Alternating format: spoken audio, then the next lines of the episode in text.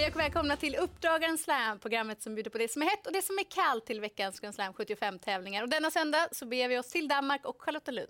Det har blivit en fin tradition att Grand Slam 75 gästar just Charlottenlund. Men trots det har inte alla full koll på banan. Så vad passar då inte bättre än att ha bankollen? Och någon som har bra koll på banan det är Peter Untersteiner som varit flitig gäst på Charlottenlund genom åren.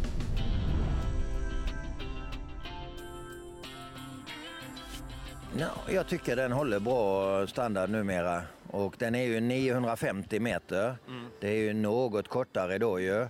50 meter kortare än till exempel Åby, Halmstad, Jägersro. Ja, men man, man tänker faktiskt inte på det när man kör. Så, mm.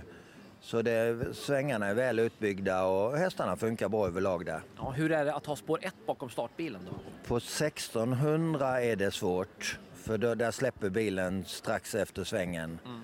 Just på 1600 är det svårt. Eh, är det. Mm. Men bättre alltså på medeldistans? Ja, det är, det är annat släpp där. Eh, vilka spår är de bästa bedömer du bakom startbilen? Ja, 3-4 när det är 1600. Mm. Eh, helt klart. Ja, men det var skönt att Peter redde ut det hela och det är viktigt att tänka på innerspår bakom bilen över kort distans. Det är inte fördelaktigt men mer anmärkningsvärt det är att över den här korta distansen så är det bara sex hästar bakom vingen. Det är vi inte vana vid. Och om vi har pratat om spår 1, går vi över till voltstart, Gör det är väldigt bra med spår 1 i Danmark. Så är det, så förutsättningarna har ni nu koll på nu till veckans heta.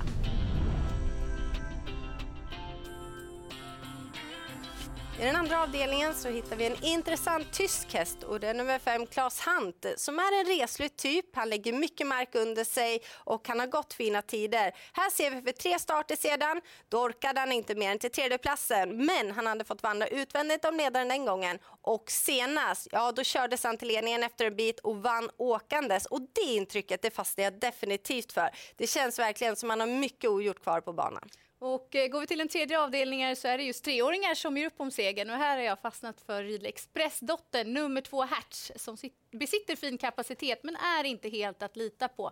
Insatsen näst senast på Åby var dock stark. Fick dra tåget sista 700 metrarna i tredje spår och slutade då fyra bakom norska Tipsy Bartender. Styrkan har hon, snabbheten har hon. Det gäller bara att hon går felfritt för då är hon med på målfotot. Den sjätte avdelningen då känner vi till nummer åtta Emoji som har gjort det väldigt bra i gulddivisionen. Ja, det blev lite vingel några lopp där i somras men senast så fick han i alla fall gå i mål med sparade krafter. Det var Jägersro, det var CL Millers Memorial och Hanne Meras vann. Så vi förstår att konkurrensen var stentuff och visst, det var flera som hade sparade krafter den gången. Men just för Emoji så var det nog bra för både humör och moral. Så löser det sig bara någorlunda från det här bakspåret, då tycker jag han ska ses med bra segerchans. Och nu går vi till veckans profil som är Niklas Korfitsen som är första kusk hos Bo Westergård och har fyra intressanta uppsittningar på Grand Slam 75.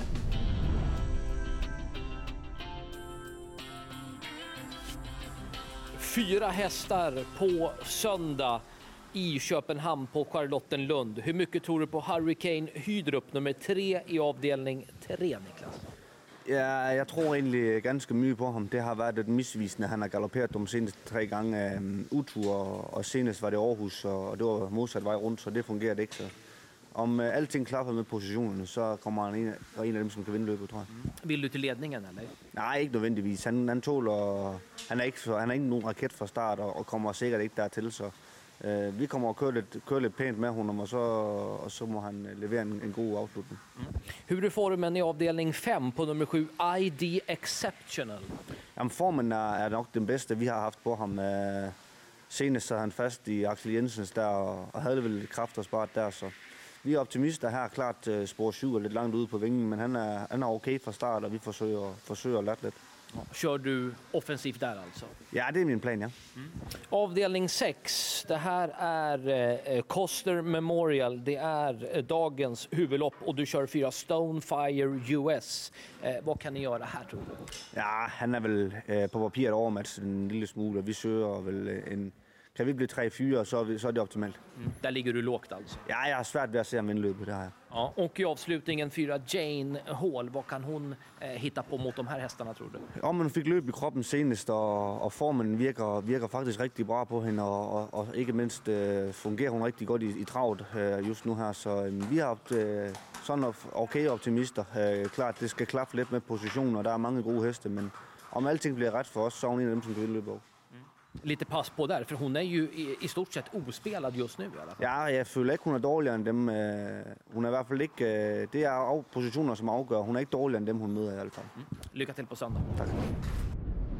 Ja, men det känns ju som att korvfitsen är definitivt att räkna med på söndag, men framförallt så vill du prata om en häst. Ja, det är nummer sju, ID Exceptional i den femte avdelningen som jag tycker är mest intressant. Två starter i regi Bo Westergård. Här ser vi andra platsen i debuten för honom och senast var han ju ute i Norge.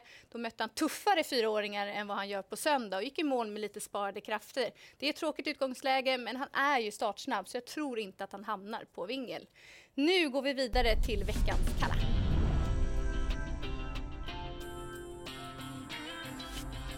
I den fjärde avdelningen så startar nummer tre Almas Kaviar som vi är vana att se i Sverige och jag har ju stor respekt för Flemming Jensen i Danmark. Men hon har inte vunnit sedan juni månad och hennes nio senaste starter har varit över kort distans. Därför känns det som ett klart minus att det är medeldistans den här gången. Och går vi till den femte avdelningen så har nummer tre Gasoline haft ett väldigt bra år på tävlingsovalen med bland annat en tredjeplats i Norsk travderby. Men nu tror jag att formen är på retur. Han såg stinglös ut senast och jag tror inte den kortare distansen är gynnsam för hans del.